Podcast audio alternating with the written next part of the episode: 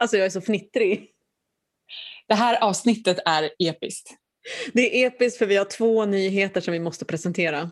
Ja. Ska du börja? Ja, men alltså, vi har ju en hel lista på coola personer som vi vill ha med som gäster i vår podd. Och idag får vi vår första gäst. Yay! Och därav, därav peppen. Ja, vi har peppat så mycket för det här. Eh, Säg vem det är.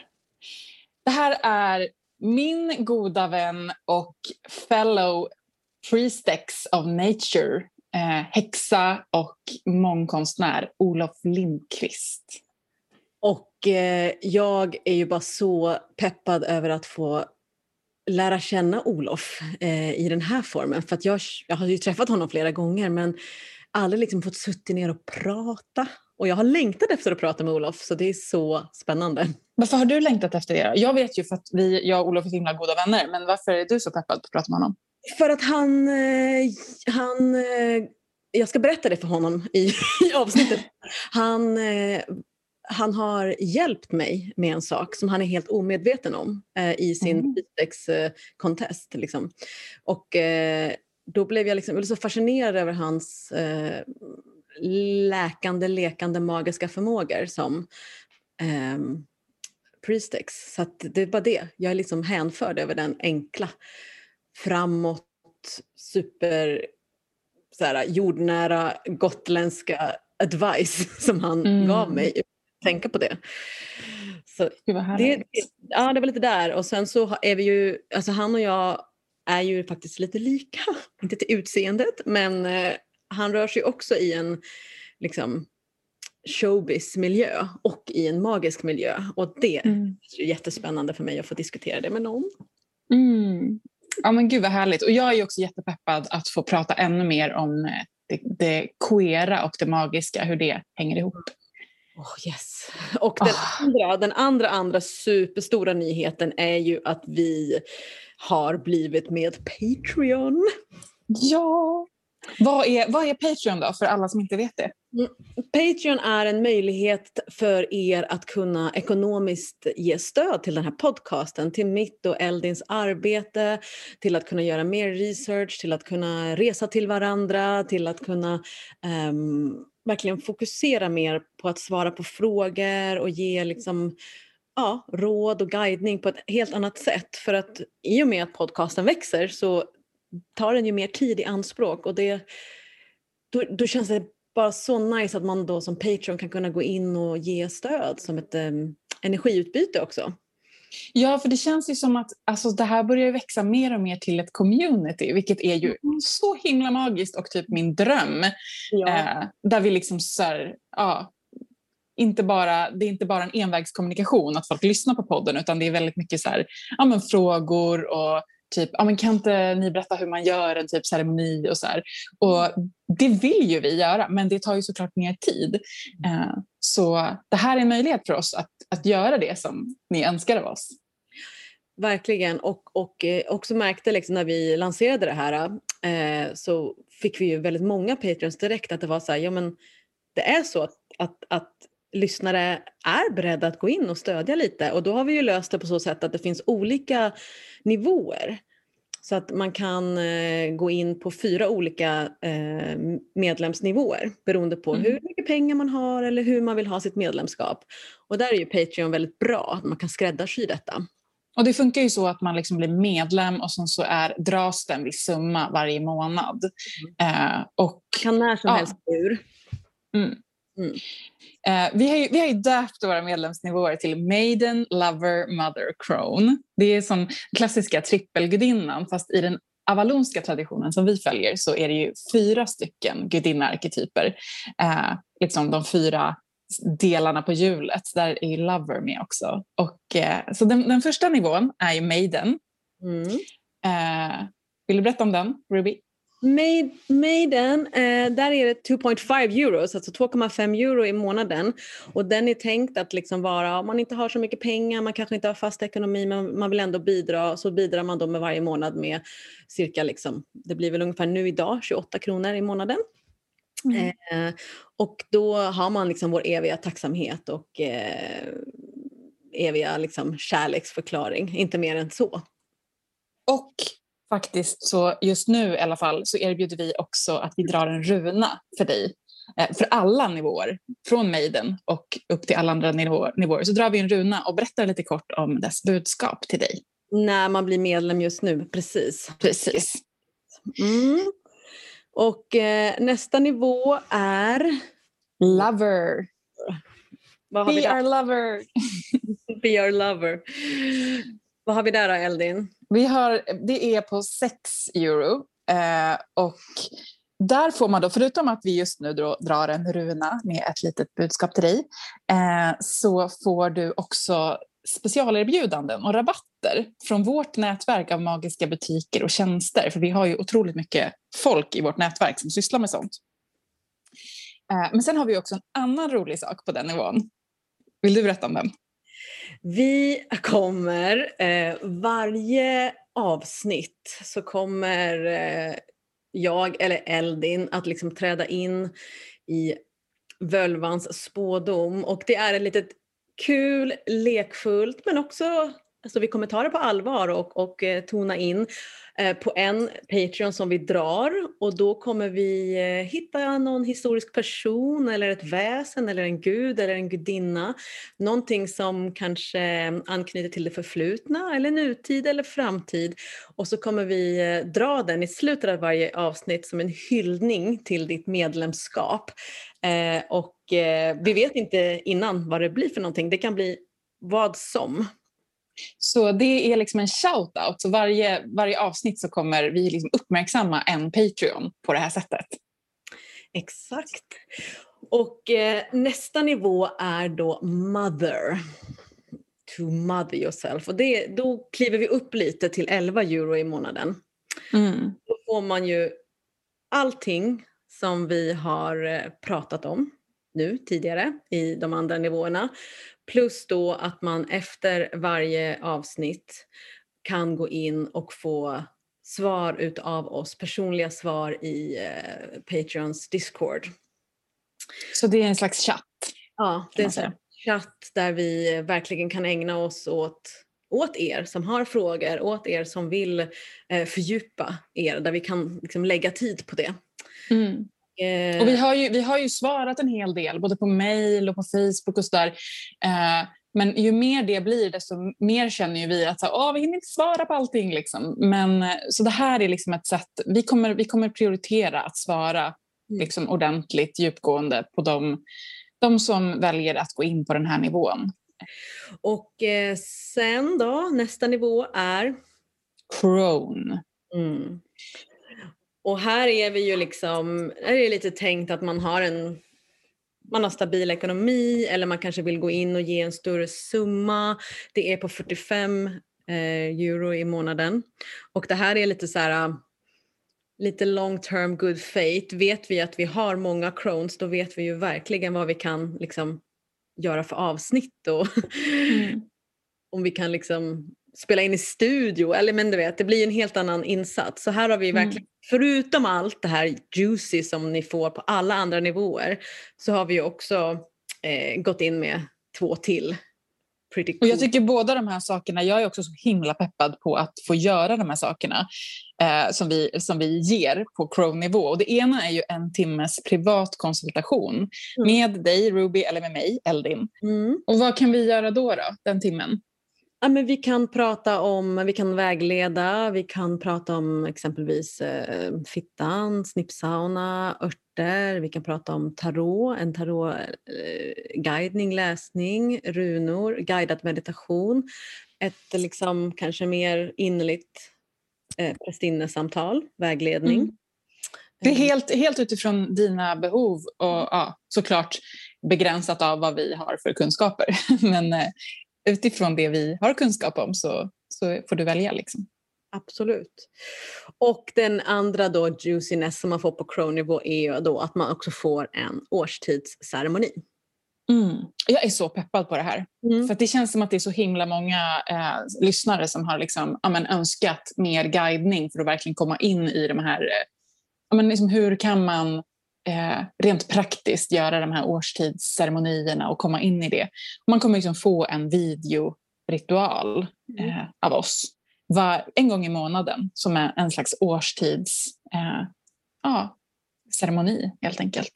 Och vi, kommer, vi drar igång direkt. Vi börjar liksom med vårdagsjämning och stara då runt mm. 20, 21 mars.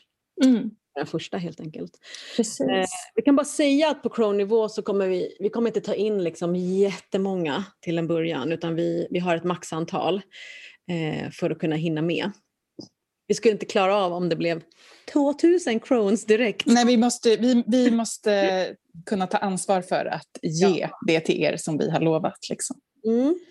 Och vart ska man gå och hitta allt det här då? Man ska gå till eh, patreon.com slash makt. Yes. Och eh, man kan också hitta via hemsidan, eh, kan hitta via eh, eftersnacksgruppen och den kommer vi fortsätta med, Facebook eftersnacksgrupp liksom. Men vi, ja, vi kommer ägna mera tid åt Patreon. Ja, vi har väl tänkt liksom att eftersnacksgruppen var, var ju heller aldrig riktigt tänkt som någon slags så här, eh, Ruby och Eldin svarar på alla frågor utan att det är mer en möjlighet för er att connecta med varandra och vi är där lite grann och hänger. Liksom. Eh, så där kommer vi fortsätta hänga. Men... Och Patreon, alltså dels, alltså det funkar på alla enheter. Det är faktiskt en jättebra app på telefonen. Den är lätt mm. Eh, att navigera och man får meddelanden och man kan få, man kan, man kan verkligen jag tycker man kan gå in ännu djupare i ett community än man kan på Facebook. Så det, det känns superroligt. Mm. Oh, avsnitt 11, Magic 11. Innan, och innan vi går in i vårt avsnitt, jag vill bara liksom en, en allmän shout-out. För vi startade ju Patreon, nu när vi spelar in det så startade vi Patreon igår. Ja. Och jag vill bara så här, så mycket kärlek till er som redan har blivit Patreons. Alltså, eh, man, jag, har suttit här och dragit runor och bara gossat mig i att få connecta med er på det sättet liksom, och skicka, eh, tona in på er och eh, skicka liksom, good vibes via runorna till er. Så, så himla härligt.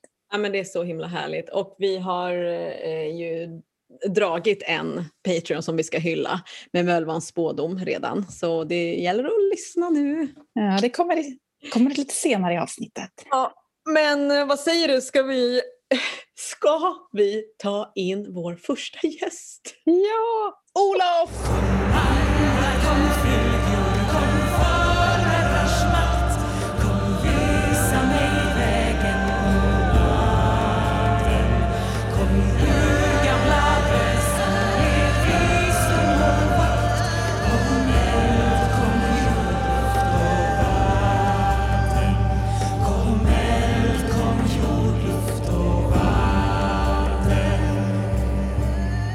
Okej okay, Olof, du är här med oss.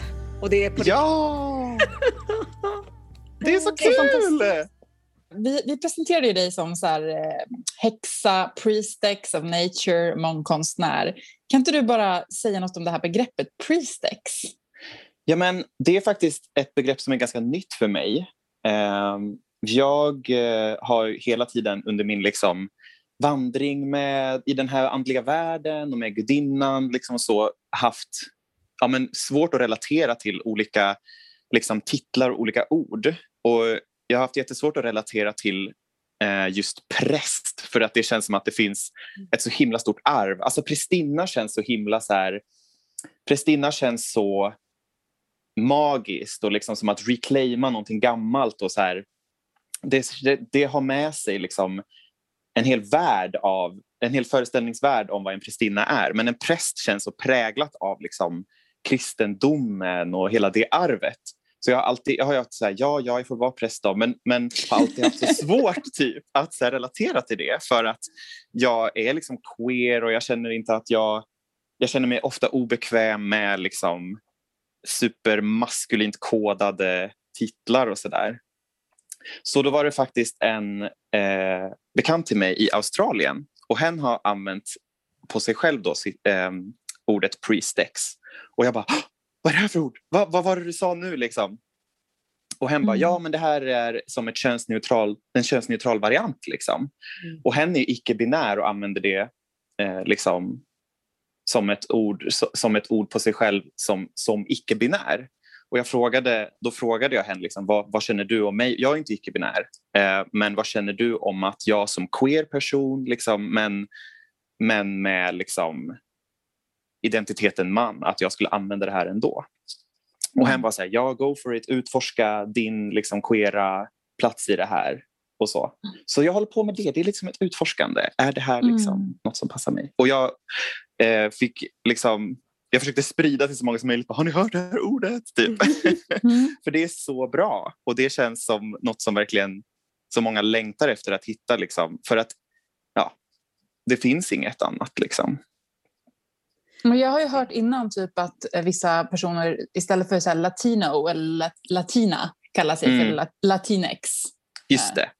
Och det kanske finns fler sådana begrepp också. Det kom, jag tänker att det kommer från, det kommer från en liksom språklig konstruktion som redan finns. Liksom. Precis, så det är bara att köra på. Liksom. Ja, alltså mm. jag var på en festival förra som, som, nej, för två somrar sedan och då var det var för kvinnor och icke-binära och då användes begreppet womenks, alltså wim, womenks med y och Precis. X. Ja. det, är ju, det är ju otroligt eh, Alltså jag gillar det jättemycket och för jag, jag håller helt med om den här prästgrejen. För präst, det, är ju, det är ju så. Alltså, präster mer eller mindre tryckte undan prästinnor om vi bara enkelt förkortar och förenklar historien. Och då så kommer mm. prästtiteln med ett otroligt jobbigt eh, kristet, eh, även liksom andra stora religioners totala patriarkala arv som man inte vill ja. återrepresentera. Mm. Ja, och jag kan tänka mig att många som, många, att man vill reclaima ordet präst också, att, att man kan att man omdefinierar det så att det passar en själv. Och det är ju ett coolt jobb att göra. Liksom. Men jag har alltid känt att så här, är, det, är det det jobbet jag ska göra? Eller, eller liksom, det kanske finns andra som känner att de verkligen är bekväma med ordet mm. präst och vill reclaima det till någonting mm. eget. Men jag känner, har aldrig känt att det liksom heller har varit jätte jag har inte varit så taggad på det heller. Liksom. Mm. Nej men tiden kanske inte är rätt ännu liksom. Alltså det finns ju, det är ju typ om man tänker så här, att reclaima ordet häxa. Det, skulle, det kan vi göra just nu, här och nu. Det kunde vi kanske inte göra för hundra år sedan.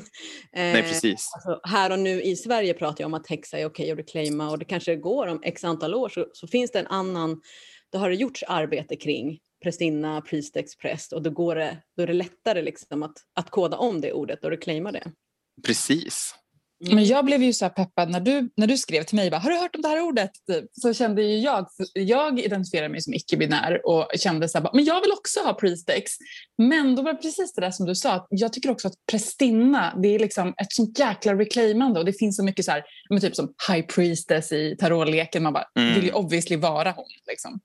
Eh, så det är så här, ja, jag vill inte riktigt släppa taget om prästinna heller, för det finns så mycket där som jag liksom verkligen dras till. Men mm. ja, jag vet inte. ja, och jag känner väl att jag kanske inte riktigt kan äga prästinna, för jag identifierar mig som inte åt det hållet. Liksom. Mm. Och då mm. blev det så här, och jag vill vara prästinna fast jag, är, jag vet att det är inte rätt för mig. Men här mm. finns det något som är liksom liknande eller som är bra på ett det annat sätt. Eller hur? Mm. Delicious. Delicious, gorgeous, prestix. Men hörni, när vi ändå är inne på det här med typ identitet och benämningar eh, mm. så tänkte jag, eftersom att det här är första gången vi tre är i en, en cirkel tillsammans, att vi skulle ta en pronomenrunda. Precis. Eh, så att vi ja. vet hur vi ska benämna varandra. Vill yes. du börja Olof? Ja, mitt pronomen är han. Mm. Mitt mm. pronomen är Eldin är hon. Och mitt pronomen är hon. Jag var mm. tvungen att tänka till lite för att jag är verkligen sådär att jag kan pendla lite från dag till dag eller månad till månad. Men just när det är vår, då är jag väldigt mycket hon. Mm. Mm. Ganska intressant. Alltså jag, blir sådär, alltså jag passerar ju som kvinna och hon, liksom, men, men jag, liksom hur jag kan känna på insidan kan vara så årstidsbetonat faktiskt. Ja, verkligen. Och det är det här cykliska som vi har pratat om så mm. mycket. Mm. Att liksom, kön behöver inte vara konstant. Det mm. behöver inte vara liksom, mm. något linjärt och, och, som man har bestämt sig för eller som man vet vad sanningen är. Utan att precis som allt annat så kan det vara cykliskt och flödande och det är det som är så vackert. Liksom. Innan vi drar igång så har jag en hemlig fråga till er. Oh. oh ja. The tables are turned. Yes. jag kissar nästan på mig. Varför då? det blev så roligt. ja, och min, min hemliga fråga till er. Jag, jag har funderat på det här väldigt mycket och jag hade, fick nästan prestationsångest. Men till slut så bestämde jag mig för att enkelhet är det som gäller. Liksom. Mm. Och min, min eh, hemliga fråga till er, vad var er senaste riktigt magiska naturupplevelse? Um, men alltså min senaste magiska naturupplevelse var, men det var, jag vet inte om det räknas som naturupplevelse, men jag har ju naturen precis utanför mitt fönster. Alltså jag har stor, stora, stora fönster, nästan panorama, som vetter ut mot hela Östersjön.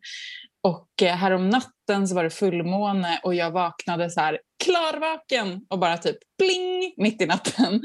Och, och bara, vad är det som händer? Liksom? Och bara klev upp i min säng, gick ut i mitt vardagsrum och så ser jag bara en silvervit stor rund måne mitt över havet som bara lyser upp hela havet. Så hela havet är liksom silverblått. Och så wow. bara, det här ljuset, ljuset bara strålar in över hela liksom mig i hela mitt vardagsrum. Och det var så här, jag var inte ute i naturen men det var liksom, ah, det var bara så magiskt. Och jag kunde inte sova på hela natten. Sen. Wow. Det räknas.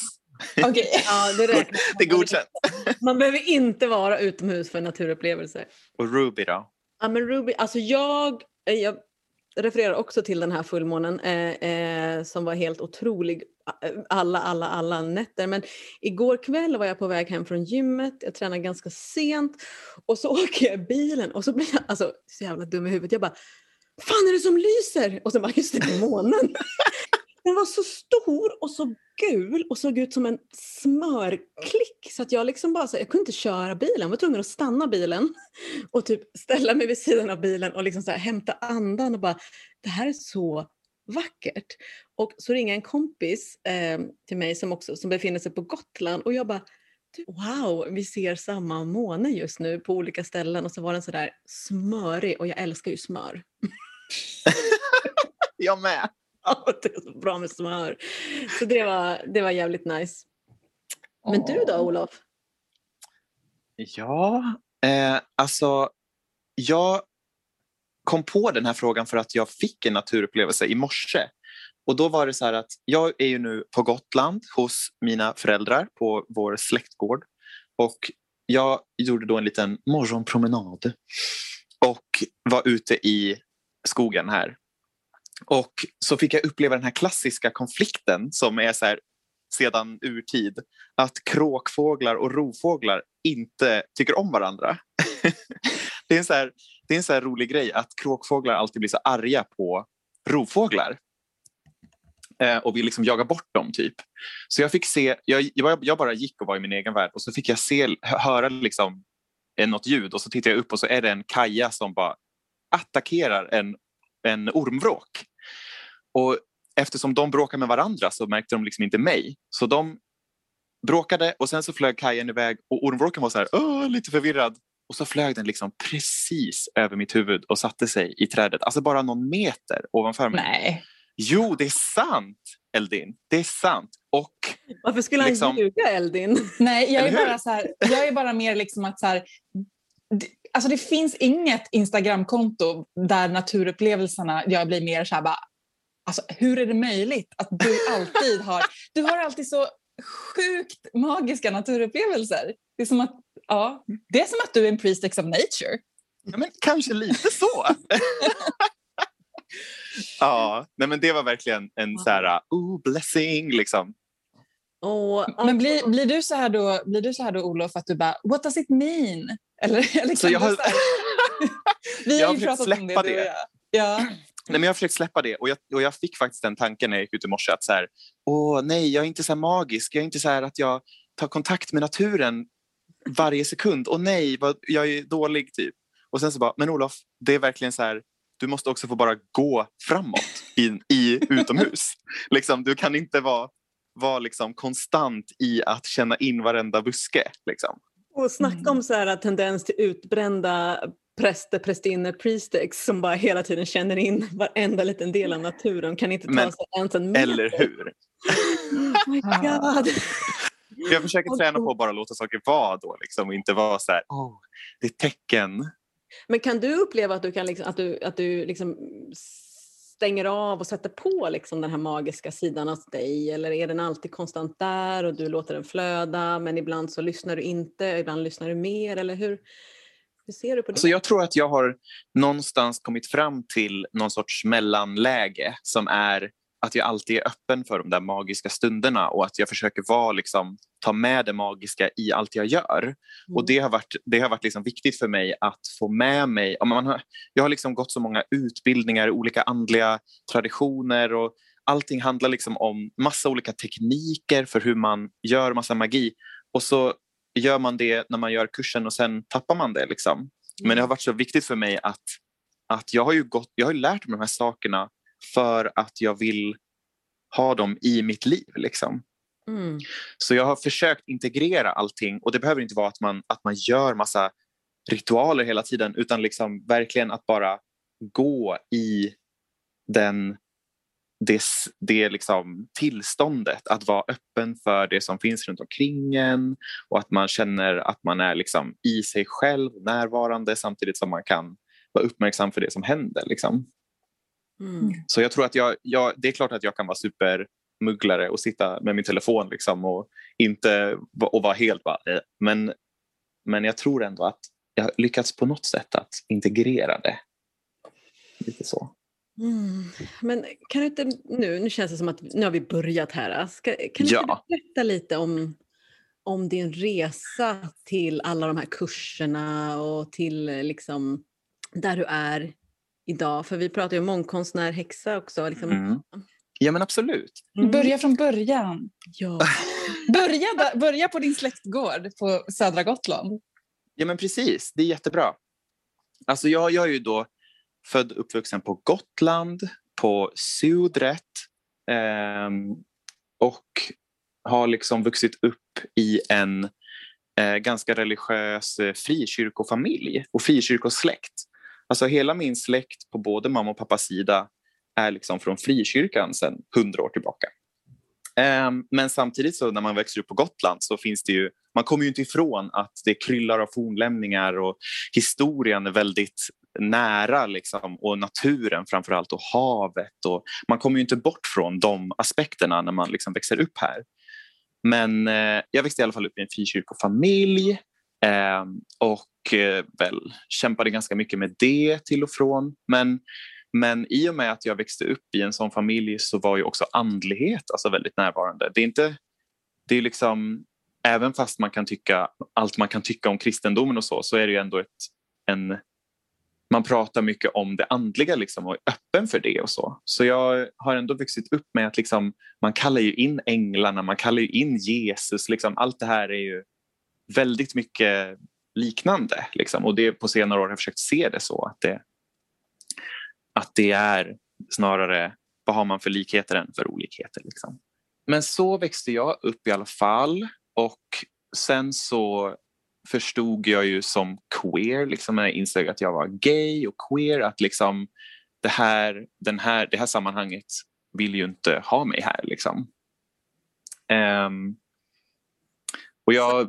Sammanhanget, var det liksom familjen eller kyrkan eller allt? Alltså eller? kyrkan mer mm. som, som community som plats och så. Mm, okay. um, ehm, man förstår det ganska tidigt. Det finns, mycket liksom, det finns mycket regler som aldrig uttalas men alla vet om dem. Liksom. Och man vet vad alla tycker om saker även fast det aldrig diskuteras. Så på något mystiskt sätt så vet alla vad som gäller. Då bröt jag i alla fall mig loss från kyrkan och Sen så blev jag aktivist, miljöaktivist eh, och blev väldigt politisk. Och det var egentligen det som kanske började min resa in i det andliga från det hållet, alltså från det politiska. Men också en liksom, längtan efter det andliga på mitt sätt. Liksom.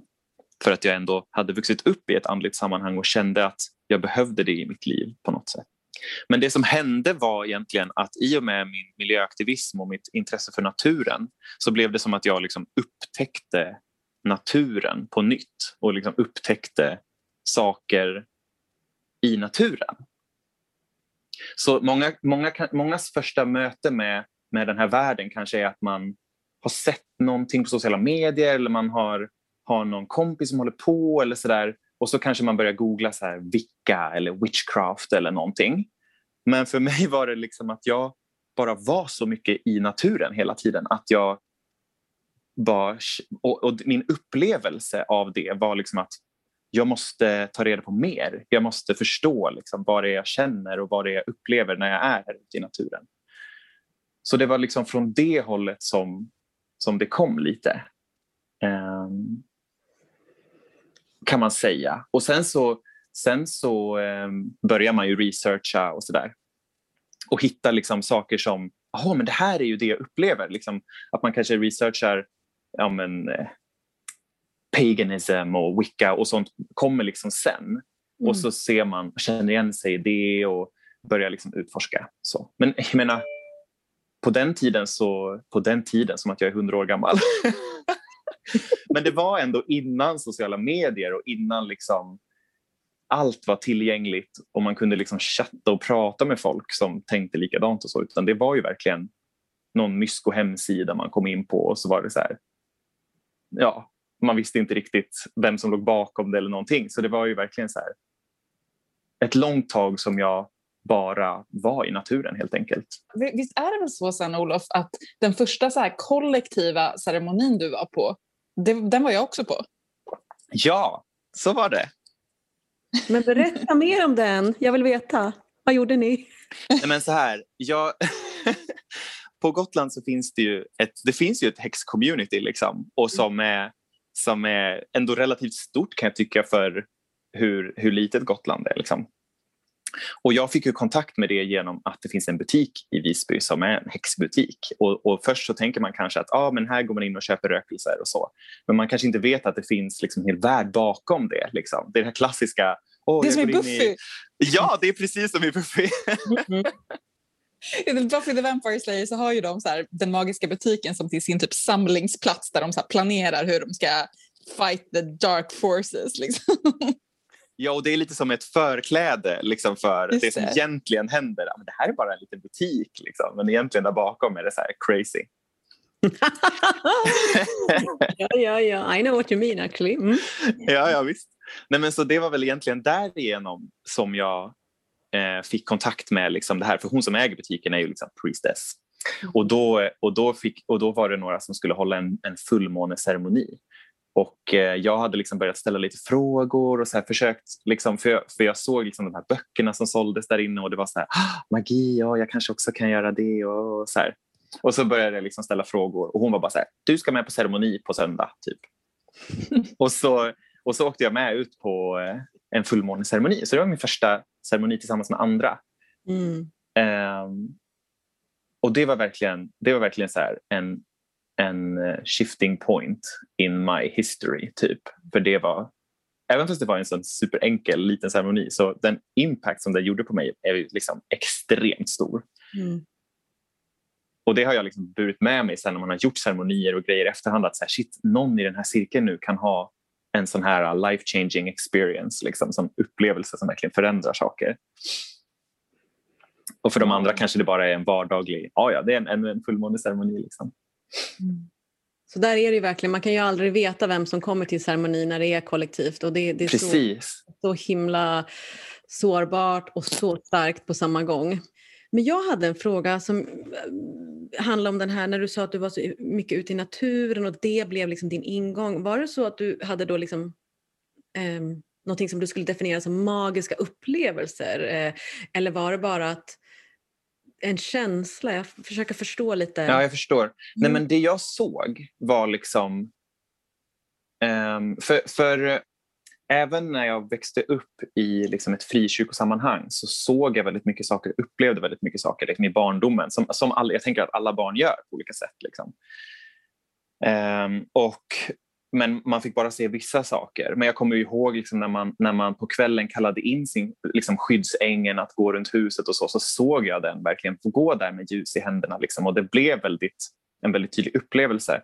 Och det som hände när jag liksom hade sagt nej till allt det där var att jag hade ingenting som mm. var liksom min andliga vardag. Så när jag gick i naturen så började jag liksom se sammanhangen i liksom hur, hur allting var sammanflätat, se den här väven. Det var, blev väldigt mycket som liksom en visuell upplevelse och kunde se liksom att alla växter har sin egen energi och sin egen själ. Liksom att, min första upplevelse var nog mycket att jag förstod att liksom saker levde och att saker hade en egen varelse. Liksom.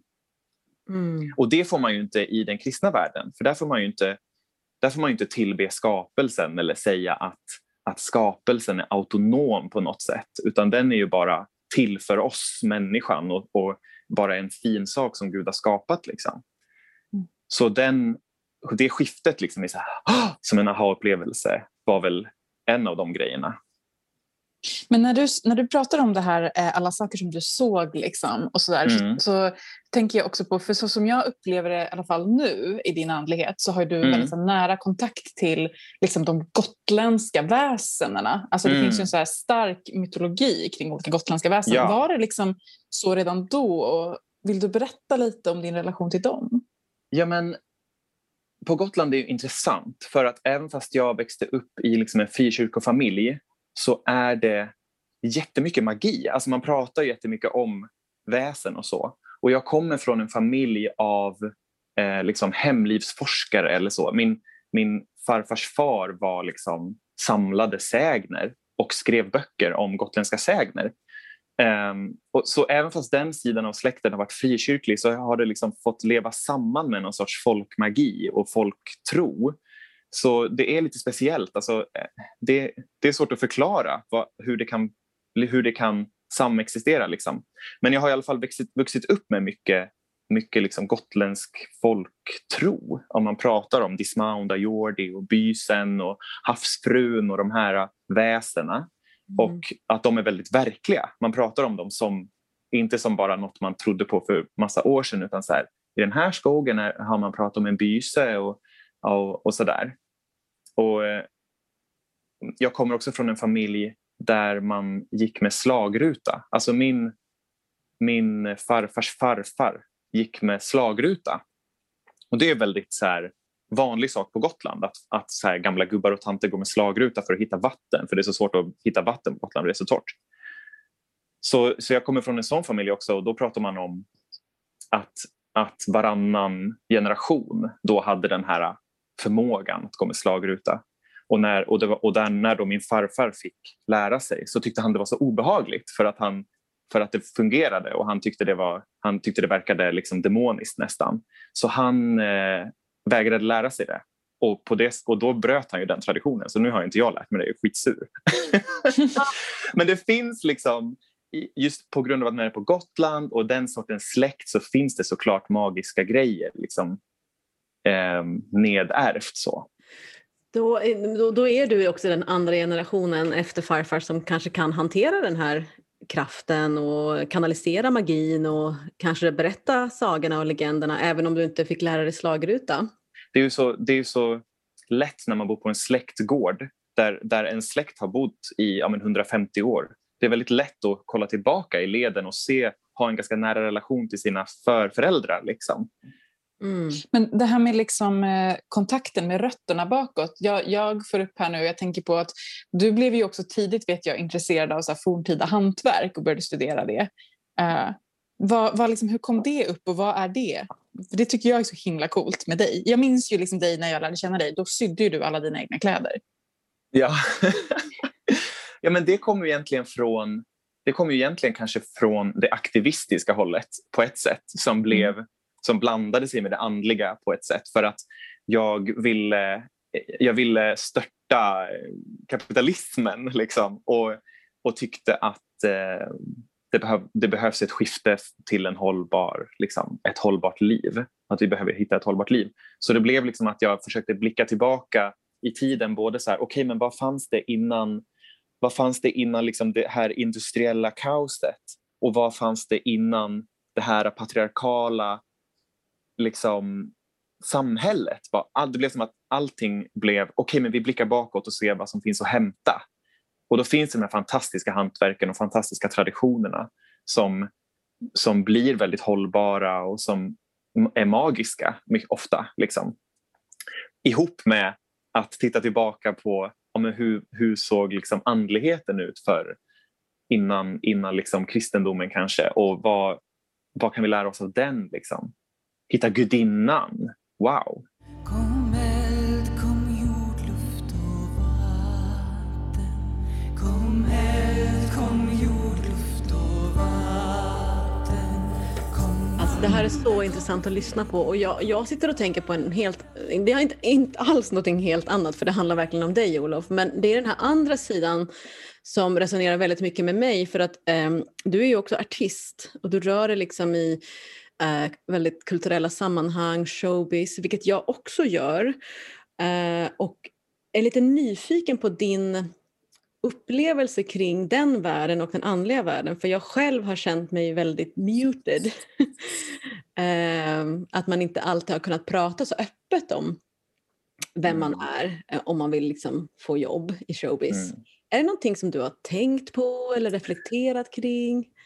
Ja, men jättemycket. Alltså, jag, jag kommer ju från liksom olika, jag har sådana olika eror i mitt liv där jag liksom fokuserar så sjukt mycket på en sak och går 100% in i liksom att lära mig någonting nytt eller i något nytt sammanhang och sen så vill jag, jag vill alltid lära mig mer, jag vill alltid utforska. Så jag kom liksom från att vara värsta eh, liksom väsenet som sydde mina egna ull liksom kaftaner med långt hår och, och bärnstenshalsband till att liksom bli någon sorts eh, showig musikalartist. Så det är jättestora kontraster. Mm. Men jag... Eh, alltså jag, ser, jag, jag eh, visste det från början, tror jag. Att, att nu går jag in i en värld som inte är den jag kommer ifrån. Och jag vill lära mig någonting här. Det är någonting här jag behöver. För jag, jag visste inte vad jag gav mig in på alls. Utan jag liksom kastade mig in i artistmusikalvärlden och var så här, jag vet att det här kommer inte vara som det jag kommer ifrån. Och jag tror att jag liksom på, på ett sätt valde bort det andliga um, och, va, och, valde att ha det mer privat. Liksom. Mm. Um, men jag, men jag, har, jag har väldigt liknande upplevelse som dig tror jag. Att det, att det är liksom scenkonstvärlden är inte så flummig som folk tror. Flummig använder jag som ett, någon sorts, jag vet inte. men liksom... Den är inte på det sättet. Den är, den är verkligen, den kanske är flummig vad gäller liksom dodgy kontrakt och arbetstider och att eh, folk är väldigt kreativa och uttrycker sig på ett visst sätt men den är inte speciellt andlig. Den är inte alls andlig. Den är väldigt politisk och kan vara väldigt så här, eh, liksom filosofisk kanske ja. i en del. Men mm. just det här andliga, att våga liksom utforska mer än bara intellektuellt, det, mm. det tycker jag verkligen saknas. Så det håller jag med dig om. Men jag tror också att jag har, i och med att jag liksom lite bestämde mig för att bara, nu ska jag gå in i den här världen och se vad den kan ge mig, så tror jag också att jag bestämde mig för att liksom play by the rules, eller vad man säger, liksom spela med de reglerna som, jag, yeah. som, som fanns där. Det som är så himla intressant, får jag ta en till fråga Elden om det här? Jag har ju längtat så mycket. Nej, men alltså, det som är så intressant tänker jag också när man jobbar då med typ eh, dramaturgi i form av teater eller musikal eller eh, till viss, eh, viss form även konserter cirkusdansföreställning. Alltså, vi, vi närmar oss ju på något sätt en dramaturgi som också bygger upp en ceremoni. Det vill säga ja. att vi har en, en vi, vi, vi börjar, vi, vi har en mittendel och vi har ett avslut. Och mm. sen är det ju en stor skillnad i att på en ceremoni så har vi ju liksom inte en publik utan vi har, en deltag vi har deltagare. Ja, och det tror jag är liksom på något sätt är det ju liksom ursprunget till teater och scenkonst. Alltså de grekiska dramerna som var liksom artister som förkroppsligade gudarna och gudinnorna för att berätta deras historier. Och det är liksom, i olika kulturer i världen så är ju verkligen teater och skådespel liksom super, liksom supermagiskt. Och, och, och det finns liksom det finns så mycket sånt i världen och i historien men som typ är helt bortglömt. Mm. Och, och, det är så nära. Alltså när man gör en föreställning så känner man ju så här att, att energin är ju där och man skulle kunna göra såna jättekola, jättekola liksom ceremonier i... Så det skulle kunna vara lika mycket ceremoni som föreställning. Liksom. Så det är precis som du säger. Jag, jag skulle älska att liksom hitta den blandningen. Så himla himla coolt. Um, jag jag vill berätta, jag också vill bekänna en sak för dig som jag tror inte att jag har gett dig cred för. Okej. Nej men alltså så här eh, var det, jag kommer inte ihåg när det var, det var några år sedan och eh, du jobbade i, i en butik och jag skulle liksom vidare på, ett, um, ja, på en workshop. Så jag bara var där och mellanlandade. Och så började vi prata om saker och babbla och så, så, så nämnde jag att alltså jag kände inte dig, du kände inte mig. Precis som nu. men, det var verkligen så här att, att vi bla bla bla och så sa jag, och vi pratade om ceremoni och jag sa någonting som jag tycker är så himla jobbigt för mig är att jag känner mig så osäker för att jag har blivit till, de har sagt sedan liten att jag inte kan sjunga.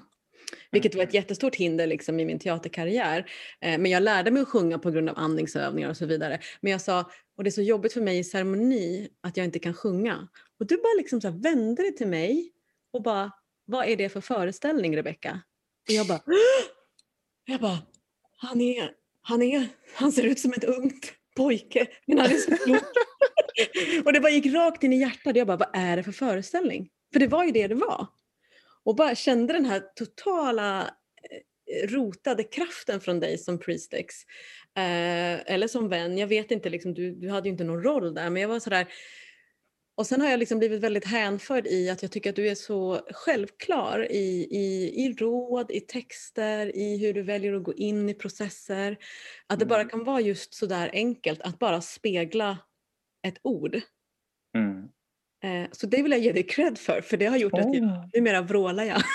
ja, men vad fantastiskt! Jag blir så Nej. glad. Ja, nej men, men det var verkligen, alltså, jag hade, hade en skitjobbig upplevelse när jag var nio år med en lärare som kastade ut mig från musiklektionen för att han tyckte jag sjöng falskt. Så eh, traumatiskt. Ah, så, så förstörande. Ah, Fruktansvärt. Jätte. Man fick stå utanför klassrummet medan de andra sjöng liksom, och jag älskade att sjunga. Alltså, det har varit så jävla jobbigt. Den här, alltså, jag tror att jag kämpar med den i typ 20 år. Liksom. Mm. Han heter Lars-Göran. Om du hör det här Lars-Göran, out. Men alltså, det där är ju jätteintressant för att eh, Olof, det ska vi ju säga också, du, du är ju med på min skiva. Eh, ja. Också. Ja, alltså just i, alltså att du är ju musikalartist och, eh, och, och jobbar mycket med rösten och du spelar flöjt också på min skiva. Mm. Och, och nu när du säger det Rebecka, så jag har ju exakt samma erfarenhet. Jag har ju gått på någon så elitmusikskola och är också helt traumatiserad av min röst och fick alltid mm. höra att den var så mörk och manlig. Ni, kan ni tänka er vad hemskt? Ah! det värsta liksom. Som så här, och jag fick stå med liksom killarna i kören. Jag fick sjunga liksom killstämmor. Och alltså, på tal om att vara queer redan då, liksom, fast typ så mot sin vilja. På något sätt. Det var ju verkligen så stämplat. Ja. Uh, men verkligen. Och, så för mig har det varit så himla viktig del av min magiska praktik, alltså att sjunga. Och du mm. Olof har ju så otroligt många magiska sånger. Alltså förutom oh. att du har körat på min skiva så har ju jag körat ute i skogen med dig. Ja. ja. Hur, hur, funkar det för dig när de, när de sångerna kommer? Eller liksom? Nej, men, hur har det varit för dig? Alltså, jag, tror att, jag tror att grejen med mig, när vi pratar om det här med liksom, ja, men, vad är det för föreställning och de här grejerna, det är liksom att jag gör alltid saker innan jag kan det. Och så tänker jag att det löser sig. typ. och det är som att jag, jag, liksom, jag, jag glömmer bort att tänka på att jag att jag säger åh det här har jag inte lärt mig. Utan jag, jag bara börjar typ och sen så kan det gå lite hur som helst. Men, men att jag bara börjar och så, och så, och så att jag liksom har inget förarbete. Utan att jag bara kastar mig in liksom, och så hoppas jag att det ska gå, gå som det går. Liksom. Och sen så efter ett tag så kanske jag förstår att så här, aha, jag behöver nog göra de här grejerna. Liksom. Det är kanske så det funkar. Och, det, och jag tänker att det är lite samma sak med att liksom ta emot visioner eller att ta emot information på olika sätt från liksom väsen eller från gudinnan eller från världen omkring sig att, att bara så här, äh, bara göra. Liksom. Att, det, att om man får en impuls, det jobbar man ju också jättemycket med i teatern liksom och så och i dansvärlden också att får man en impuls så följer man den för att impulsen kommer någonstans ifrån. Impulsen är liksom inte Impulsen behöver inte vara jag, min skapelse, mitt intellekt som har tänkt ut utan impulsen kan vara någonting externt som bara vill komma igenom. Liksom. Så jag tänker att jag, jag försöker liksom leva lite efter det att, att, för det var också så som jag blev musikalartist från början. Att jag eh, var liksom mellan två olika epoker i mitt liv och två olika, två olika eh, mål i livet och jag visste inte vart jag skulle ta vägen. Så varje ceremoni jag gjorde, varje liksom fullmåne, varje mörkermåne, varje säsongsväxling så frågade jag krafterna så här, vad är min nästa grej? Vad ska jag ta vägen i världen? Liksom. Jag känner mig så jag mig så stagnerad och så still. Liksom. Och så fick jag höra budskapet flera, flera gånger. Bara, du ska sjunga och dansa, du ska sjunga och dansa, du ska sjunga och dansa. Och jag bara, vad betyder det? Jag blev så jättefrustrerad. Och bara, What do you mean? Liksom. Det var så här, det här klassiska, man bara får samma budskap hela tiden och man bara ah, blir så skitarg typ. Eh, och sen så testade jag, var så här, oh, men jag kanske ska vara så andlig och bara, jag håller på med frigörande dans typ. Och så bara, ah, det var väl kul men nej, typ. Och sen så bara såg jag en amatöruppsättning av en musikal. Och så jag bara, aha. Det var det det betydde. Så jätteomagiskt och jättelångt från det jag någonsin har gjort innan. Och, men jag fattade liksom att, aha, that's what they mean. Mm. Och sen så var jag bara tvungen liksom att kliva in i det för att det var inte jag som det var inte, det liksom inte var jag som hade tänkt ut det bästa möjliga scenariot utan det var så här, det, det var bara sagt till mig typ. Och sen så har jag ju liksom en helt annan människa efter en sån, ett sånt händelseförlopp. Liksom. Mm. Så jag tänker att det är lite så jag funkar bara och, och det är så jag gör. Och det är också superfrustrerande för jag vet aldrig var jag ska hamna nästa gång. Liksom. Mm. Nej, hög igenkänning på det där sättet faktiskt. Att, att Eller hur? Dels att man blir sådär arg när man bara va? Säger du? och, men jag tänker också att det handlar om att man, att man, då lite, att, att man har stagnerat verkligen. Man har bara fastnat då i det magiska tänket och inte kan öppna upp för så här, ja men kolla vad det finns för utbildning med sång och dans eller kolla liksom vad, vad, finns det mer? Vad är sång? Vad är dans? Men att man liksom är så himla stängd. Och sen då när så kommer ju ofta svaret på något sådant ganska sådär, aha okej, okay. det var det mm. där. Liksom. Ja, ja. Eh, jag tycker det, det är ju egentligen en väldigt viktig balansgång att liksom kunna få ett svar i en ceremoniell, andlig, ritual, magisk aspekt och sen kunna liksom applicera det på ett, ett liv mm. i ett mm. samhälle som har då allt vad ett samhälle har. Ja, och vara liksom öppen för att så här, för, jag, för, för, för vid den tiden hade jag liksom då var, jag, då var det nästan som att jag byggde en karriär som liksom priestess of nature eller, eller priest of nature då eh, och var liksom så här, åkte runt på festivaler och höll stora ceremonier och var så här, oh, jag ska liksom åka hit och, och eh, hålla ceremoni för alla de här människorna, wow! Liksom. Och höll på jättemycket med healing och alltså det var liksom hela min identitet var liksom så.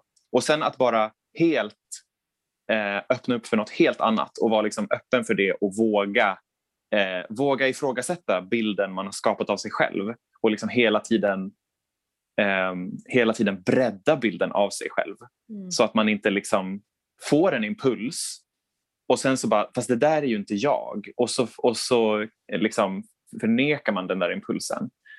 Eh, och det har varit mitt stora arbete tror jag, att, liksom, att, att så här, bryta sönder idéerna som jag har skapat om mig själv. typ men du, alla de här sakerna som du säger nu, så här, ah, healing, eh, festivaler, allting. Alltså, vad, du, det känns som att du har ju varit och nuddat, nosat på så otroligt mycket olika sidor av så här, eh, hedendom, andlighet. Mm. Liksom.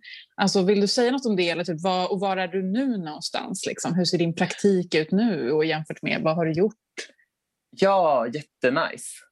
Um, ja, alltså, jag började ju då ja, men med dig, liksom att med de ceremonierna i det sammanhanget och, och var, bara gick på ceremonier och ville lära mig mer. Så jag gick ju en, en eh, prästinneutbildning då eh, på Gotland och, och, dedikerade mig till, till Priest of Nature eh, med allt vad det innebär liksom, med alla skills man lär sig som, som liksom Priest of Nature och eh, Priest of Goddess, liksom, gudinnepräst. Um, och med en tradition som, som kommer från eller som har sina rötter i Glastonbury, i Avalon, liksom i England och hela den rörelsen där, med den gudinnerörelsen.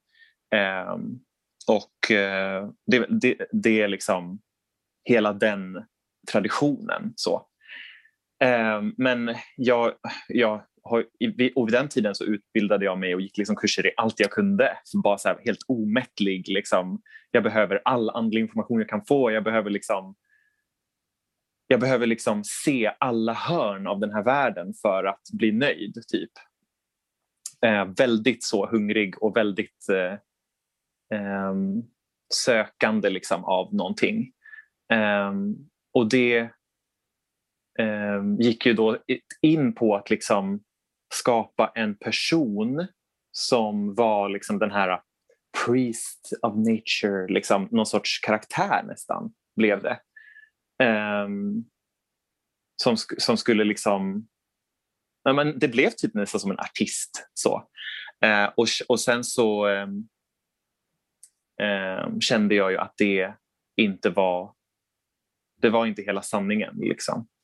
Ja, och det, där, det innefattade ju allt. Liksom. Det innefattade healing. Jag gick olika, har gått olika utbildningar i olika traditioner. Healing, liksom olika sejd och eh, ja, men, liksom reiki, alla så new age grejer gick jag igenom också.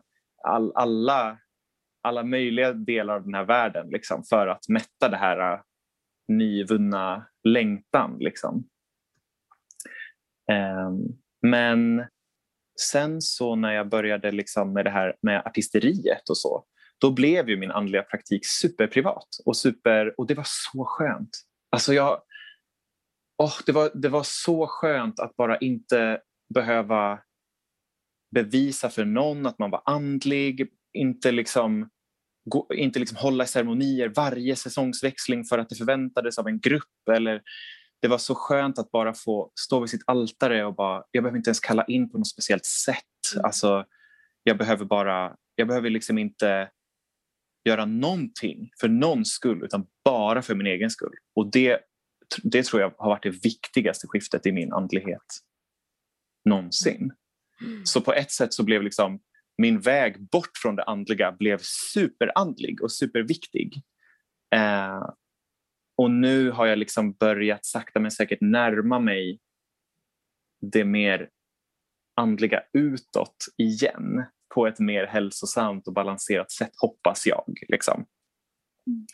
Så jag liksom försöker, och försöker liksom hitta andra så här, queera Eh, häxor i världen och försöker liksom... Ja, men jag längtar ju efter den här community-känslan som, som, eh, som jag har saknat så mycket. Liksom. Mm. Så där är jag just nu, att jag sakta men säkert liksom öppnar upp mig för världen igen och bara hallå, mm. I'm still a witch, are you there?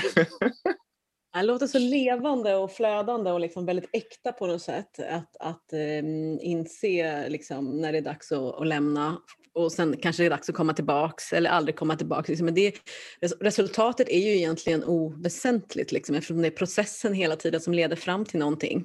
Mm. Uh, men jag bara funderar nu, så här, jag leker med tanken på vilken titel du kommer ha som 52-åring. Det kommer vara så mycket du kan. Eller hur? Alltså, jag, och jag kommer inte stanna än. Alltså, Nej, jag vill, menar, det alltså, som kraft ja. i det här. Jag, jag, I love it. Hörru, jag har en fråga som apropå då, eh, som, då, som man i gudinnetradition. För att mm. jag och Elden har ju faktiskt till vår fantastiska, liksom, vi är så glada att det är många män som lyssnar på den här podcasten och så kanske de skriver att ah, den kanske inte är för mig. Men, men vi menar ju att den absolut är för att man kan vara man och lyssna på den här podcasten. Skulle inte du kunna liksom prata lite om så här, gudinnetradition och vara man? Hur kan man som man, alltså du, det är inte alla män, men liksom mm. Det är, ja, men, alltså, bara, det är inte bara en värld för kvinnor, det är väl dit jag vill åt. Precis, alltså jag har ju verkligen, verkligen upplevt det. Att, att det här är en värld... Alltså jag har aldrig varit liksom... Så, det har aldrig varit som ett hinder att jag skulle vara man eller att jag inte skulle vara välkommen. Det finns liksom inte. Det är ju som, nästan som tvärtom. Att om det kommer en man på en ceremoni, alla säger wow! Att det är liksom, för att det är så ovanligt, då blir folk jättetaggade. Också det är det som jag tänker att det är verkligen nästa steg. Liksom. Det är dags nu för, för män att liksom upptäcka sina kroppar och, och liksom sin, alla elementen i sig själva och liksom få, få vara en andlig varelse. Och liksom, alltså det finns så mycket jobb kvar att göra, tänker jag, som, som liksom, om den feministiska rörelsen med alla kvinnor i spetsen liksom redan har har kommit så lång väg på. Liksom. Mm. Men sen kan inte jag prata så mycket för, för jag är också väldigt gay och väldigt queer. Liksom. När, man, när man växer upp som gay och queer, man är så van med att gå utanför normen. Så man gör ju det hela tiden och då blir det liksom inte en grej när man gör det en gång till. Alltså det, men det jag, så, så för mig, min upplevelse har varit väldigt bra men jag har också inte heller varit rädd för att kliva utanför normen för att det redan var mitt, mitt utgångsläge. Liksom. Så jag har, inte varit, varit, jag har inte upplevt att jag har behövt liksom, utmana mig själv på det sättet.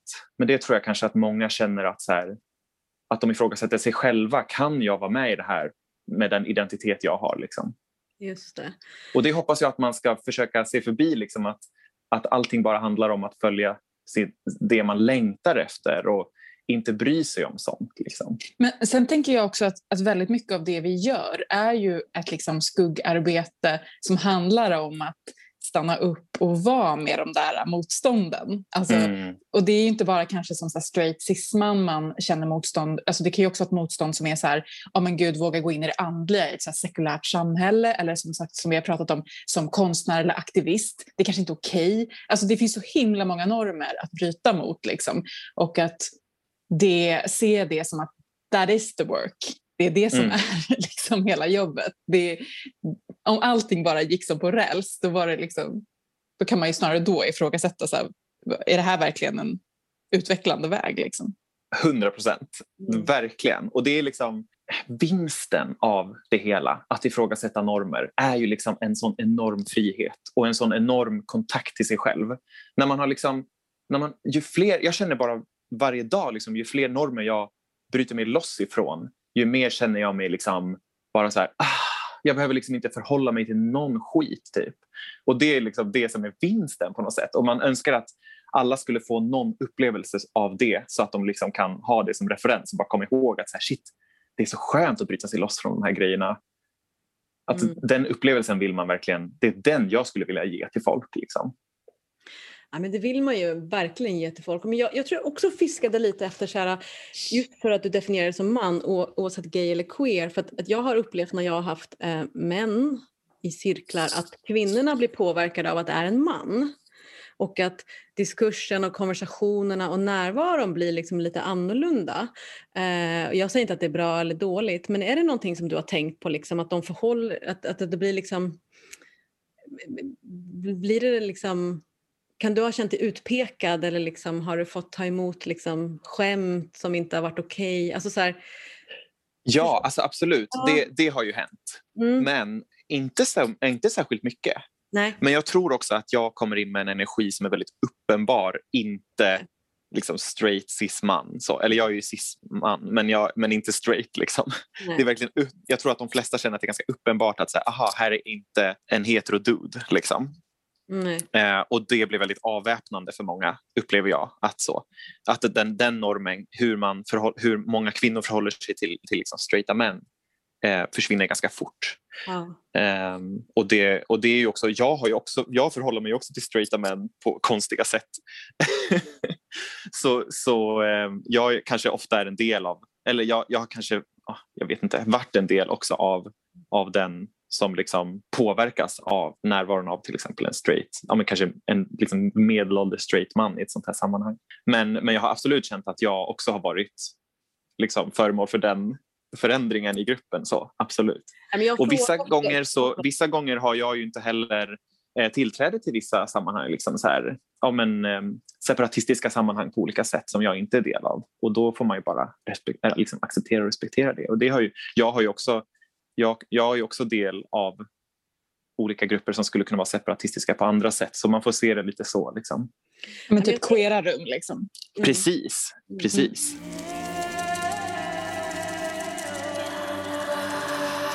Det finns så himla mycket arbete att jobba med det här äh, manliga uppenbarelsen men också så här sacred masculine och sacred feminine och det är faktiskt en av våra frågor. Både jag och Eldin har ju liksom kämpat med de här begreppen, liksom sacred masculine, sacred feminine. Mm. Vad betyder det? Vad är det?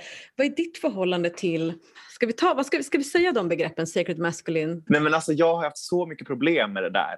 För att att det har känts så begränsande, den här dualismen som ni också har pratat om i podden mycket, liksom att, att den är begränsande och, och också inte alls en del av det, den upplevelsen jag har i mitt liv. Liksom.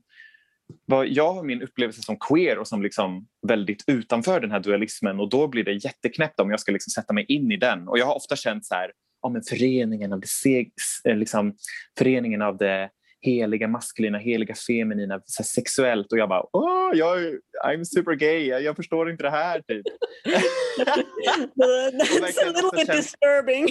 jag har också känt, känt att liksom, kan jag ens delta i det här? Jag, har, jag äger inte den här upplevelsen alls. Liksom.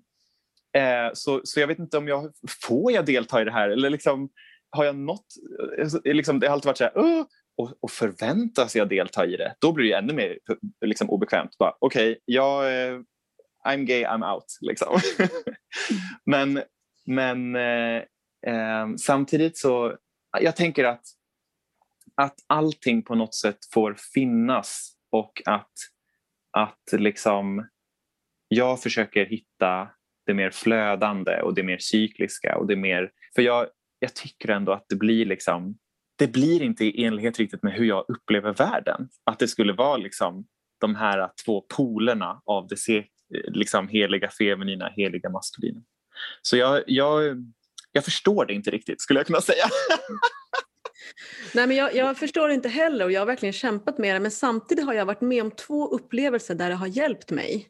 Det är det mm. som har, alltså, och det har hjälpt mig, inte i förhållande till någon annan människa utan att eh, bland annat jättestor grej med det här Sacred Masculine som jag, jag har ju bara så här, du vet, män eh, som är straighta, cismän, håller borta, jag umgås bara med gay män för det är det enda som känns okej. Okay, liksom. Och det har varit så mm. jävla elakt men jag har också gjort det för att skydda mig för att jag pallar inte den energin. Men det är ju inte liksom alla, inte alla män. Nej men alltså det, det, är ju, det är ju så orättvist av mig att liksom döma ut det. Men vad som hände med mig var att jag hade också dömt ut den då liksom, alltså jag hade i mig låst upp då mitt jag ska försöka förklara det här eh, så att det blir så lite flummigt som möjligt. Men jag hade, liksom låst, jag hade låst min egen bild av män så hårt i min egen kropp så när en av mina lärare eh, vi kom fram till att så här, du, du, du har liksom en obalans i din maskulina sida. Jag tänkte att det var in, mer i att jag liksom så här, är allmänt i obalans men hon var okej okay, men jag, jag tror jag går, jag går med det och hon sa så här då får du liksom sova med någonting, som representerar manlighet. Jag bara, vad då ska jag sova med typ läderjacka och bensin och kniv? jag tar, tar typ det. Hon bara, nej du ska sova med en varmvattenflaska. Jag bara, men gud kan manlig energi vara som en varmvattenflaska? Så bara, jo men det är klart det är. Alltså så är det ju. Alltså, mm. Alla män som jag tycker om att vara med, är ju all, oavsett om de är gay eller straight, de är ju exakt som en varmvattenflaska. Och då med den här liksom historien vill jag bara säga att det hjälpte mig när hon liksom guidade in mig så himla direkt på bara så här Sacred Masculine. Mm. För att jag, apropå att ha föreställning, eller hur? Jag hade en föreställning om någonting som ja. stoppade mig och då, då blev det liksom användbart på något sätt. Men det där, det där upplevelsen känner jag igen så himla mycket hos mig själv. För jag har ju liksom också fått höra exakt samma sak. Bara, du behöver få kontakt med din maskulina sida. Liksom. Mm. Och jag bara, jag vill inte! Den är, den är äcklig och dålig och jobbig. Liksom. och, och, eh, och bara så här, mm, vart så anti. Liksom. Mm. Men sen har jag förstått också att, att okej, okay, men nu handlar det om att jag liksom sätter upp ett motstånd och en, en mur mot, mot massa aspekter av mig själv som jag har en föreställning om är mm. maskulina. Att, liksom, att, att, att saker som jag identifierade som maskulina på grund av olika fördomar var, var energier som jag behövde liksom, hämta hem i mig själv. Ja, men så här, riktning och. Och kraft, liksom, att få typ vara stark. Alltså, mm. jag, hade liksom, jag hade ändå förskjutit alla sådana delar och bara så här, tyckt, ty, tänkt att det där är liksom macho, jag vill inte ha det. Mm. Eh, men så finns det liksom delar i, och typ haft jättesvårt att relatera till gudinnor till och med, så här, krigsgudinnor, typ Freja och Athena och Inanna och såna här. Jag bara, åh varför måste de vara så krigsför, jobbiga? Jag vill inte ha, liksom sådär. Mm. Och, så bara, och in, att inte förstå liksom att aha, men det är bara jag som har en idé om vad maskulint är och därför sätter in alla de här olika grejerna i det och därför har tagit, motstånd, tagit avstånd från det. Liksom. Så jag, jag förstår precis den där grejen och jag tänker att, att det liksom är något som alla behöver göra, så här, lösa upp, bara så här, knyta upp och lösa upp den där jobbiga knuten om liksom vad, vad som hör ihop med vad, typ. Mm. Nej, men det är det jag tänker. Liksom. Alltså, nu, tyck, nu, nu tyckte jag det blev bra. Ja! Nej, men jag tycker det blev bra att du och jag hade en liknande upplevelse och jag definierar mig som hon och du definierar dig som han. Det tycker jag Mhm. också liksom tar bort lite den här dualismen kring begreppen. Att det Mm. handlar snarare om så här, kanske kan sacred masculine, kanske kan feminin eh, hjälpa dig och guida dig till någonting men du kan också använda några andra begrepp. Så att det, är, men, men det är dumt att bara liksom slänga bort dem för det finns någon liten det finns någon liten essens som kan vara jäkligt, jäkligt intressant att jobba med liksom, just för att det är lite läskigt. Mm. Ehm, Kan man inte sammanfatta det lite grann med att säga typ att, att, det liksom, att varken klamra sig fast vid de begreppen som att de är hela sanningen eller helt Mm. förskjuta dem? Mm. Thank you, du är så... Men du är bara bäst hela tiden. Jag bara Alltså, sitter den så tyst och så bara säga en pedagogiska. mening. Vi har suttit och babblat lite i hundra år så kommer det bara in en sån one-liner queenie och bara damn! Verkligen så här, du har absolut, rollen absolut. som struktur och liksom sammanfattande. Ja, men, och, på tal om det då, så ska vi börja runda av den här intervjun lite Ja men grann, kanske. precis. Eh, och jag tänkte bara som en, som en liksom avslutning så här, eh, du Olof skrev ju till mig precis här innan inspelningen och sa att du skulle ta med mig till en spännande plats imorgon. Eh, precis. kan inte du bara säga någonting om, om vad det är du tänker att vi ska göra och vart vi ska? Alltså vi ska till ett av Nordens största stenrösen. Och jag vågar inte säga att det är det största i Norden fast jag vill göra det för att jag är så patriotisk nu. Men,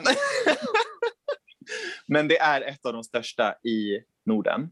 Och det är ett bronsåldersröse som är på södra Gotland som heter Ugarderoir. Och eh, det är, liksom, det är liksom, när man kommer dit så är det bara, du kommer liksom i en processionsväg av röse efter röse som är liksom, blir större och större och större tills du kommer till liksom, the grandmother av rösen. Wow. Ja. Och det är liksom... Man, man har sagt, så här, arkeologin har sagt att liksom området runt det här är liksom, det finns inte en enda sten. För att varenda sten har liksom skeppats upp i det här röset. Så liksom, typ en mils omnejd så finns det inga stenar alls för att de är där. Liksom. wow. Och känslan jag får i alla fall när jag kommer dit är inte så här, det är inte särskilt gullig och mysig och fin och åh gudinnans där utan det här är liksom crazy goddess power. Shit vad Och- coolt.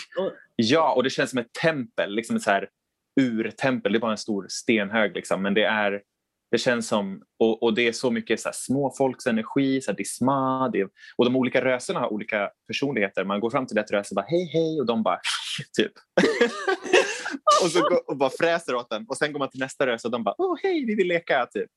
Så det är verkligen, eh, mycket, jag upplever i alla fall väldigt mycket liv där och väldigt mycket liksom, det är väldigt bebott. Men du, en fråga. Ska jag ha med mig någonting till det här?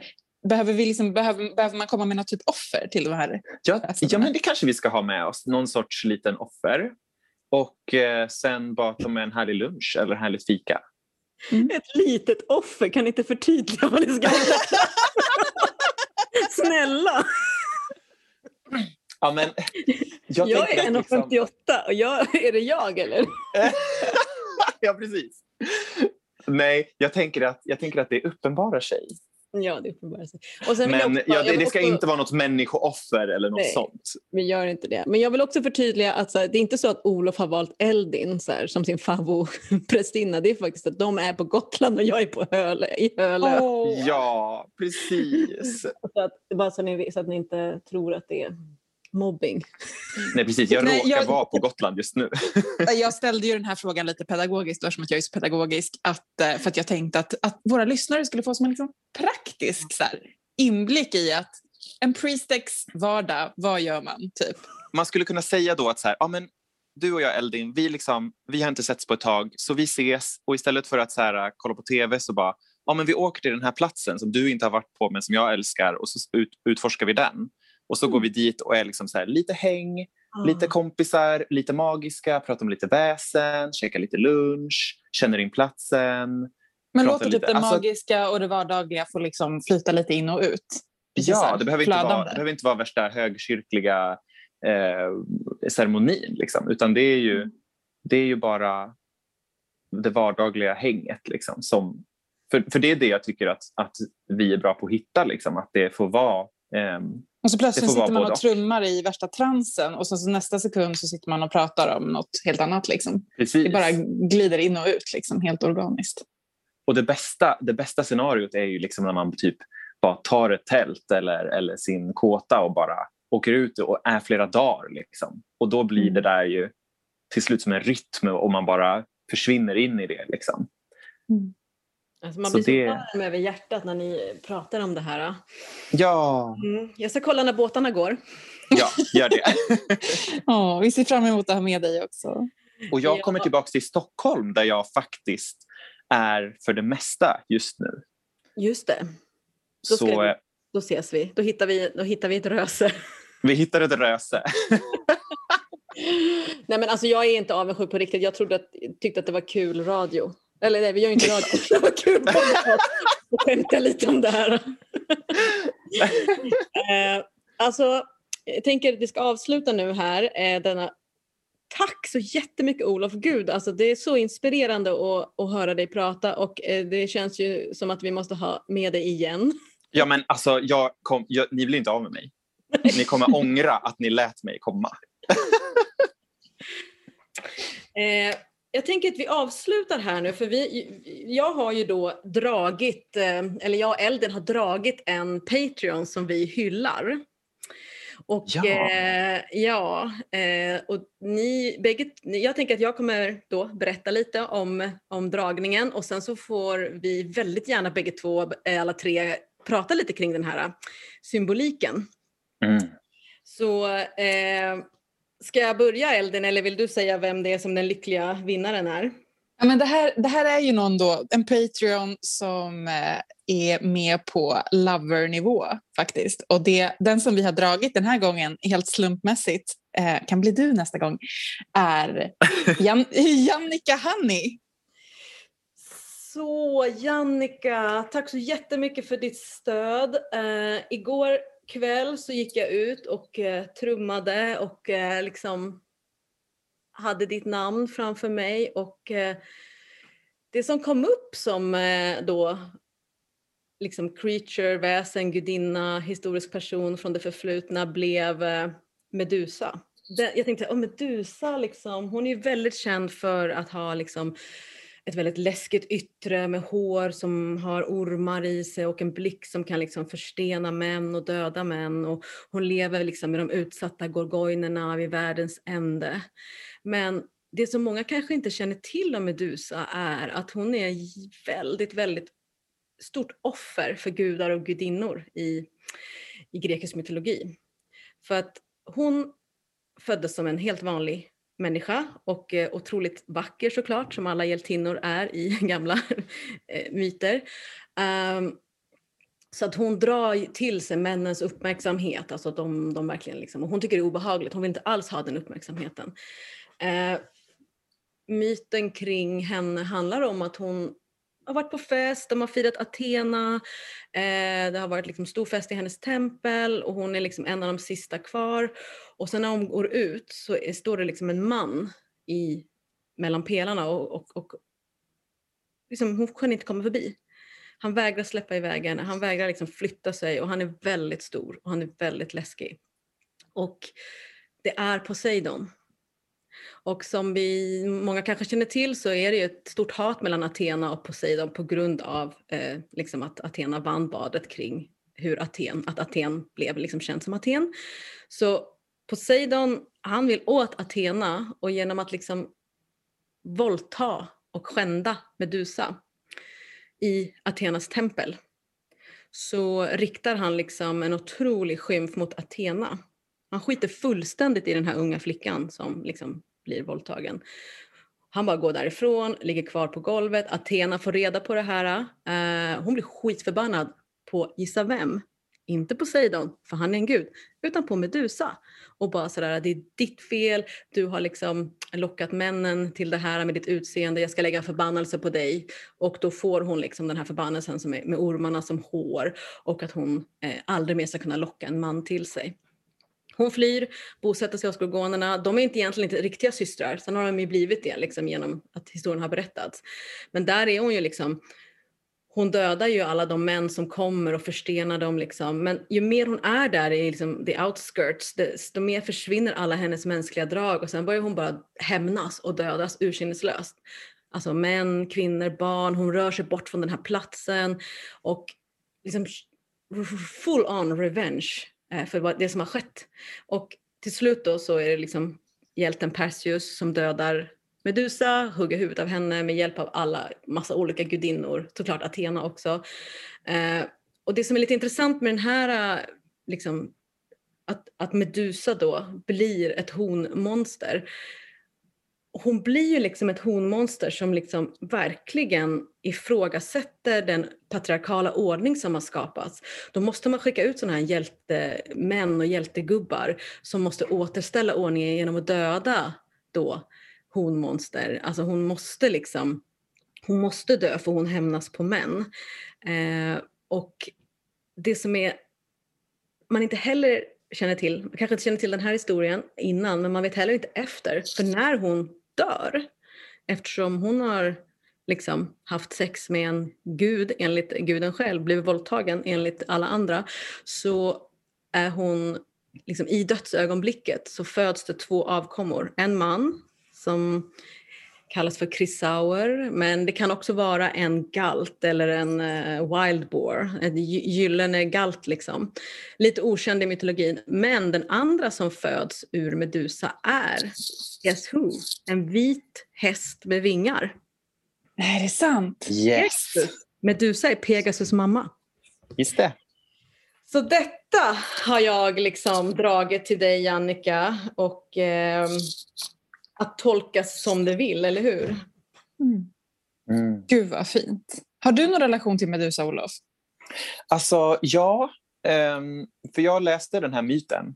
eh, För jag ville veta bara, vad är Medusa. Liksom? Hur kan hon vara så crazy? Och, och ehm, just som du säger Ruby, liksom, att hon är bara så himla det är så orättvist. Liksom. Och, eh, men det jag kände att hennes kraft, alltså när du berätt, bara när du berättar nu så, så känner jag ju så här, det, den här vändningen när hon bara går från att så här, Åh, alla blir förstenade, jobbigt till att bara alltså nu ska jag hämnas. Liksom. Att det finns någonting i den det finns någonting i den skamlösa liksom, ilskan från jorden som jag, som jag kan verkligen känna igen. Och, det, och den här ilskan, och den, jag kan få den känslan när det handlar om typ förtryck. Alltså så här, förtryck av naturen, förtryck av olika, olika sorts människor. Liksom.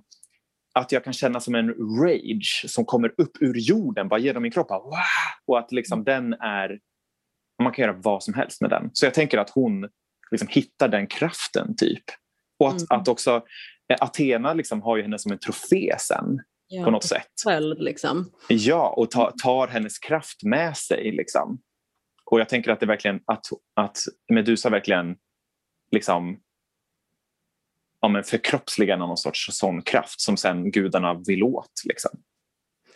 Jag tänker också liksom att det blir det här att hon i döden lever vidare. Eh, det är som Mm. du, du kan, den här liksom, patriarkala ordningen är fel. Den stämmer inte, den passar inte. Så att någon kommer alltid att försöka krossa den ordningen, because it doesn't make any sense för någon egentligen. Mm. Vad säger du då Eldin, har du något? Men jag tänker på det här med eh, alla myter som finns om just våldtagna, skändade kvinnor och gudinnor i myterna som som straff blir förvandlade till någonting asmäktigt. det är så här, straff inom citationstecken. Vi pratade om Blodaiwed i tidigare avsnitt som blir straffad i att hon blir förvandlad till en uggla. Alltså det är som att de här transformationerna är också en transformation in i deras kraft. Eh, och Mm. att det är patriarkatet som har stämplat det som något negativt. Alltså, em, Medusas trans- transformation, Bloodaiwoods transformation, alltså det finns så många. Det är Mm. liksom bara ur ett patriarkalt perspektiv som de blir typ onda. Egentligen blir de crones, wise women, liksom, Mm. häxor typ, som står i sin kraft. Mm.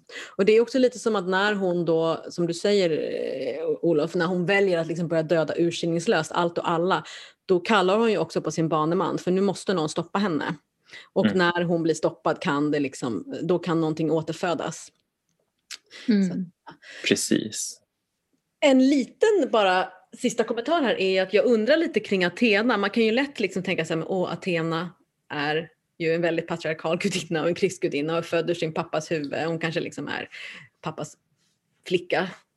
Alternativt att hon liksom fattar att jag har heller ingen kraft och kan krossa Poseidon. Om jag säger att Poseidon, om jag ska hämnas på Poseidon för att han har eh, våldtagit en flicka i mitt tempel så kommer det inte ha något gehör. Men om jag förvandlar henne till en fucking eh, Medusa, en gorgon, en, liksom en, en hämndmaskin, då kanske någonting kommer hända. Mm. Liten aspekt som jag bara tänkte på. Liksom. Mm. Ja, Jannica, du kan väl liksom höra av dig på Patreon och berätta lite vad du tycker om eh, ditt, eh, vad ska vi säga, din, det är ju ingen spådom men det är ju en liksom Eller är det? Oh. Who are you in this story? Mm. Eh, som alltid, ni hittar oss på Facebook, eftersnacksgruppen och numera på Patreon. Och ni hittar Olof på Instagram. Ja, Vi kan skriva en länk eh, i show notes. en länk. Jag heter Olof Linkvist på Instagram, eller Linkvist Olof. Mm. Och jag gör små häxiga, det är lite häxigt Instagramkonto, queert och häxigt och sådär. Om man vill följa det. det vill Men- man, eller det gör jag redan. Ja, men tack så otroligt mycket Olof och vi ses vid Röset, till höger om Ja. Röset imorgon. Till höger om röstet. ja, men tack så himla mycket själva. Alltså, drömmen är uppfylld nu. Jag känner mig så tacksam och så himla glad. Så eh, ja, bliss. Amazeballs. Kom